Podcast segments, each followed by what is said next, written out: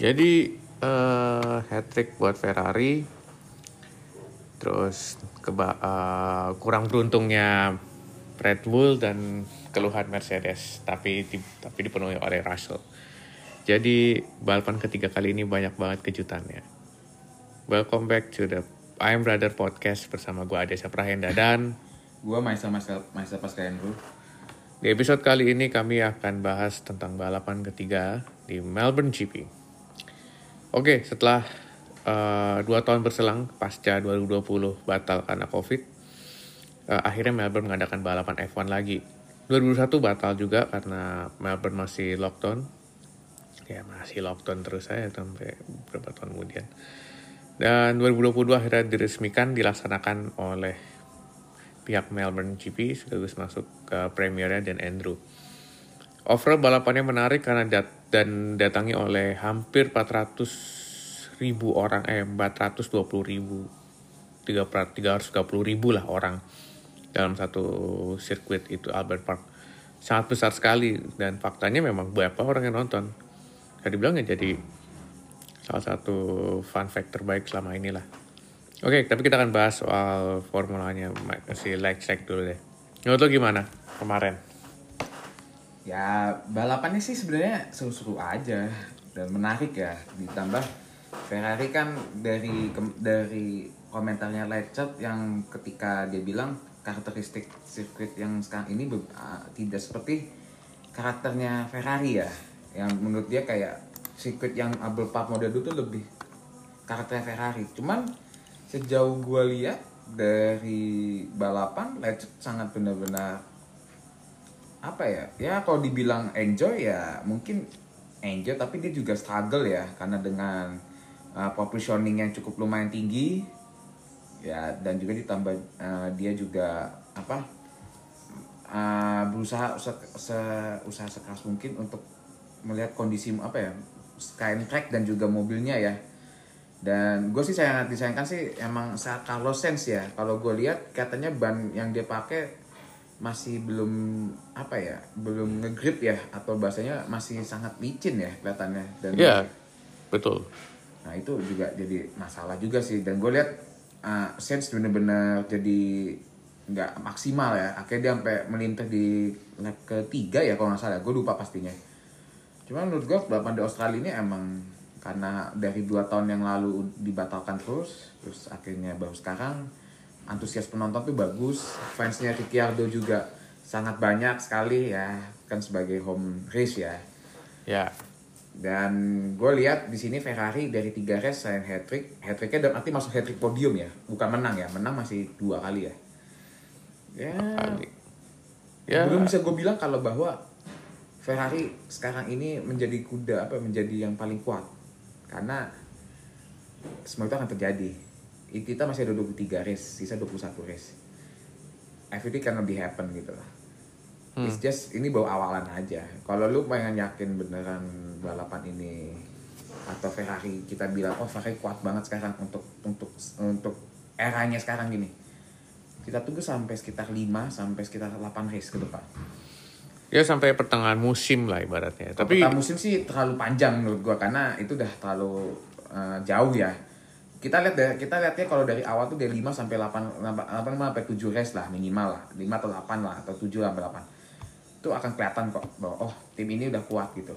Karena ya inget aja kayak kemarin yang Red Bull sama Mercedes kan. Siapa sih yang kepikiran kalau tim Red Bull bisa akhirnya bisa mengimbangi Mercedes ya? Yang notabene mesinnya iba banget ya. Nah, ya sekarang nih masih udah mulai kembali ya tapi walau emang gue lihat ya mereka juga masih banyak kendala ya. Cuman ya it's, it's okay lah.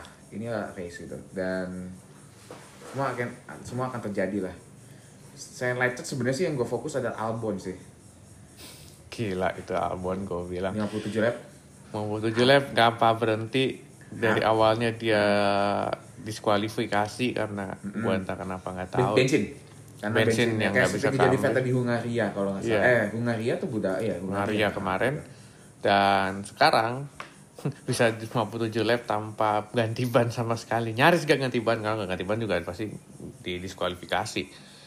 Yang jelas uh, kegilaannya si Albon ini jadi buat pertanyaan bahwa Albon saja ke Steinbach sampai 57 lap hampir satu race lo gue bilang Yes. ini orang jago loh sebenarnya tapi kenapa gitu loh ini tinggal membuktikan kayak lagi nih Melbourne dia segini bagus ya lo gila dan bisa nembus pit 10 nggak nggak masuk pit stop sih gue bilang Ya sebenarnya kalau dia nggak masuk lista sama sekali mungkin P7 ya kemarin ya. P6. P7 kemarin P7 atau P6 sih gue lupa pasti. Six pastinya sih Uh, tapi menurut gue di sini gue menunjukkan sih bahwa William itu sebenarnya eh, tidak sejelek itu timnya. hmm. Ibarat kata gini, Russell kemarin berjuang keras ya untuk William ya, tapi selalu black bad luck lah kalau gue lihat ya. Bad lucknya dalam arti ya entah kecelakaan dalam posisi membutuhkan poin atau dia dapat poin karena apa gitu loh.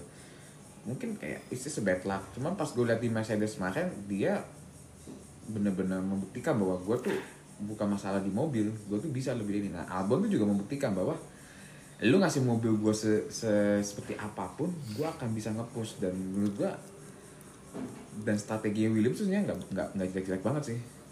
Nggak jelek-jelek banget ya karena Dan- karena dan body mungkin resiko tinggi memang menurut gue. Hmm. Gue dalam arti jelek itu ada Ya. resikonya tinggi banget bermasalahnya. Tapi menurut gue ya it's a race, it's out of the race. Everything can be happen kan.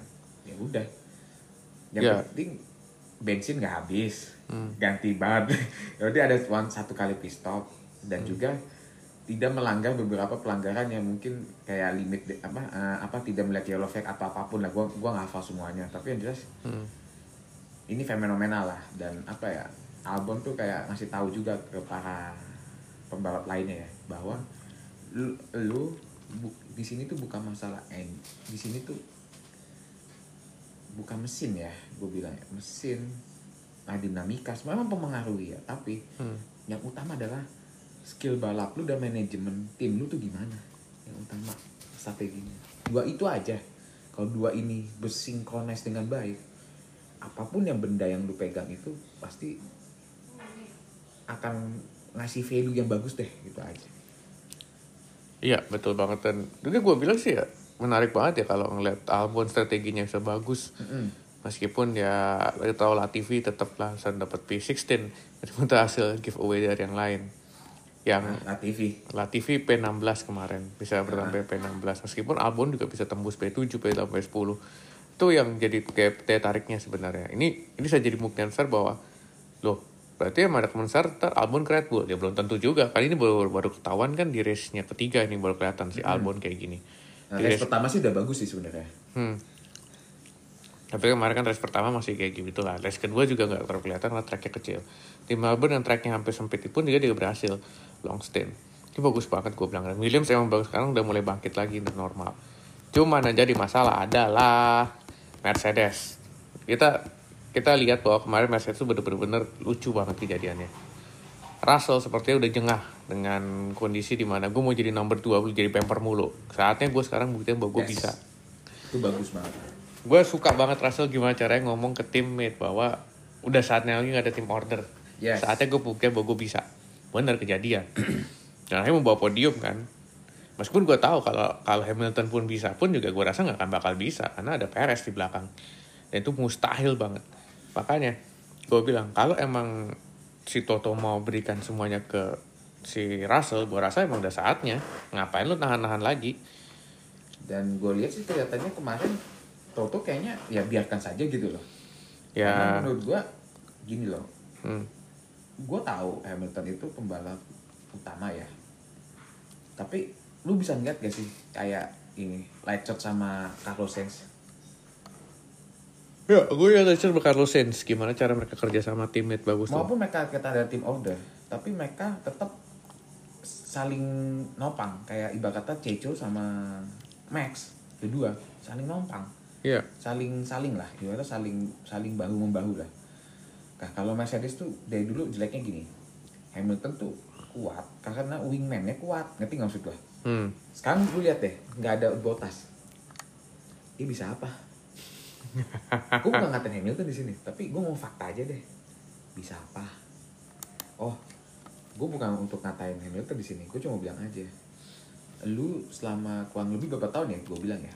Hmm, lima tahun ya? Lima atau enam tahun ya sama botas ya lima tahun ya kalau nggak salah. Lima tahun lu bisa melegang bebas tanpa ada Rosberg ya. Rosberg kan memberikan perlawanan ya salah satunya ya. Oh iya pasti itu.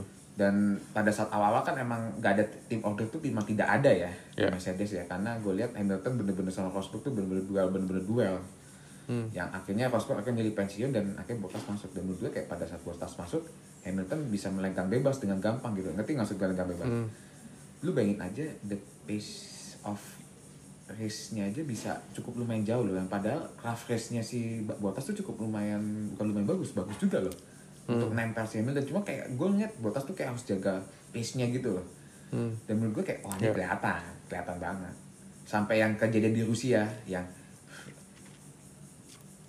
Bottas is James ya itu akhirnya tim itu order kan? itu tim order itu rasanya gue bilang terlalu memalukan banget sih. Nah enggak tapi nah, itu yang di Australia kan hampir kejadian lagi kan? Kejadian lagi sih gue bilang. Tapi apa yang dilakukan oleh Russell adalah I don't win apa I don't win di- di- apa jawabannya seperti itu kan? Iya. dia nggak mau ada pertanyaan dan menurut gue kayak ya menurut gue ya, ya gimana ya kalau gue melihatnya bahwa ya si Russell memang tujuannya emang pengen buktikan bahwa gue bisa. Nah dia masih muda. Pasti lebaran terdepan dong. Mm-mm. Leclerc bisa kenapa gue nggak bisa? Mm-mm. ya pastinya kan harus membuktikan bahwa gue gue bisa lagi Iya. gue harus bisa Seperti gitu. kayak Alonso dan Ocon. Iya. pas yang di Jeddah lu lihat Iya. komentarnya Alonso apa? Gimana? Di defensive like lion kan? Iya. dan lu lihat apa Alonso bilang? Apakah Alonso ada bilang kata tim order atau apa? Enggak enggak. Happy kan dia? Iya apa? aja this is the game this is the race gitu dan dia membuktikan seperti ini itu benar meskipun tim timnya tim mengatakan bahwa gila aja gue ngelepas dua orang dalam pertandingan tentang terburukan berdua akhirnya gue rugi ya emang Ya iya, tapi akhirnya kan diredakan kan. Ocon dibilang don't do, do that gitu. Maksudnya kayak jangan Iya. lakukan lagi seperti itu. Tapi menurut gue kayak mereka menikmatinya gitu. iya Nah, sedangkan kalau Hamilton coba lu adu kayak gitu sama Russell. Lu lihat pacarnya sama pace-nya. Lucu nggak? Lucu aja. lucu banget gue bilang sih Lu lihat Hamilton pas adu sama Perez. Wah itu mah Gue ngeliat apa Perez dengan mudah kan ngadep si si Hamilton. hmm. Tapi pas sama Russell enggak. nggak jauh banget itu makanya Kayak staffnya Russell menurut gue bagus. hmm. dan strateginya Russell matang cuman ya itu tim gak mendukung ya, Ya. sedihnya meskipun hasil yang diberikan pun juga terlihat banget sih gue bilang hasilnya sih bagus sih podium 3 dan itu buat buat Mercedes juga bagus tapi kan balik lagi eh masalah Mercedes kan masih bermasalah di sini dan ini kan terus menerus kejadian. Meskipun gue tahu emang Russell karena nggak ada Verstappen. Kalau ada Verstappen pun sekarang akan tetap di 45 dan bayangannya ada di McLaren juga. Otomatis McLaren juga bisa, bisa sebenarnya sih ya kan Alpine sih bayangan paling Iya, dan juga Mercedes kayaknya masih bermasalah di beberapa bagian. Oke, nah itu ngomongin Mercedes. Sekarang ngomongin Red Bull, di mana Red Bull kayaknya kok masih back to setelan pabrik lagi gue bilang. durability ya? Durability, terus durability sih sekarang problemnya sih. Iya. dari tiga race dua race masih bermasalah hmm, menurut gua udah cukup lumayan isu sih. Ya, tapi menurut gue ya ya udahlah. Kan abis ini balapan kita di ini ya? Di mana? Gue lupa di Italia ya? Di Itali Imola. di Mola ya kita lihat aja nanti dia mau kayak gue melihat iPhone sekarang nih apa ya mungkin agak odd tapi unik ya. Balapannya di track kecil mulu ya di awal-awal. Gue nggak tahu ya trennya kayak gitu ya, tapi dari emang saat, eh tunggu Bahrain bukan Bahrain. Bahrain track besar tapi mulai dari Saudi Jeddah. Sudah Melbourne, Melbourne. sampai sekarang Imola. Imola. kan tracknya kecil-kecil kan? Mustahil kecil sih tapi gua rasa sih emang kayaknya tujuannya buat narik minat aja sih orang-orang buat nonton di race awal sengit. Sebelum track-track tradisional kayak uh, Monza terus kayak uh, beberapa track-track yang Monaco dan yang lain-lainnya. Tapi kalau gue lihat sih Monaco katanya cuma kayak ya ya udah gitu loh. Karena balapan yang sudah selesai gitu aja maksud tidak terlalu ya cuma kayak sejarahnya aja. Sisanya ya Monaco ya track kecil untuk yang lumayan cukup tricky untuk nyalip nyalip ya udah seperti itu yang gue tahu. Dan yang jadi masalah adalah sekarang kita lihat nih kalau Red Bull kejadian lagi tiga kalinya mesin rusak atau apa ini Imola lagi. Gua rasa sih spare dua minggu terakhir ini udah cukup untuk pengembangan selanjutnya. Termasuk untuk bangun sasis cadangan lagi. Ya gua rasa sih ini jadi banyak banyak banyak banget PR besar sih buat Red Bull terutama. Termasuk Haas juga by the way Haas sendiri emang agak nggak nggak bermain pace kayak orang gila atau setan gitu deh gimana. Karena emang gue tahu karena dia nggak bohong. Gue saya cadangan dan harus hati-hati. Jadi emang balik ke setelan pabrik dan emang nggak bisa maju secara kuat. Tapi yang jadi concern kita adalah si Red Bull powertrain ini RBPT sendiri.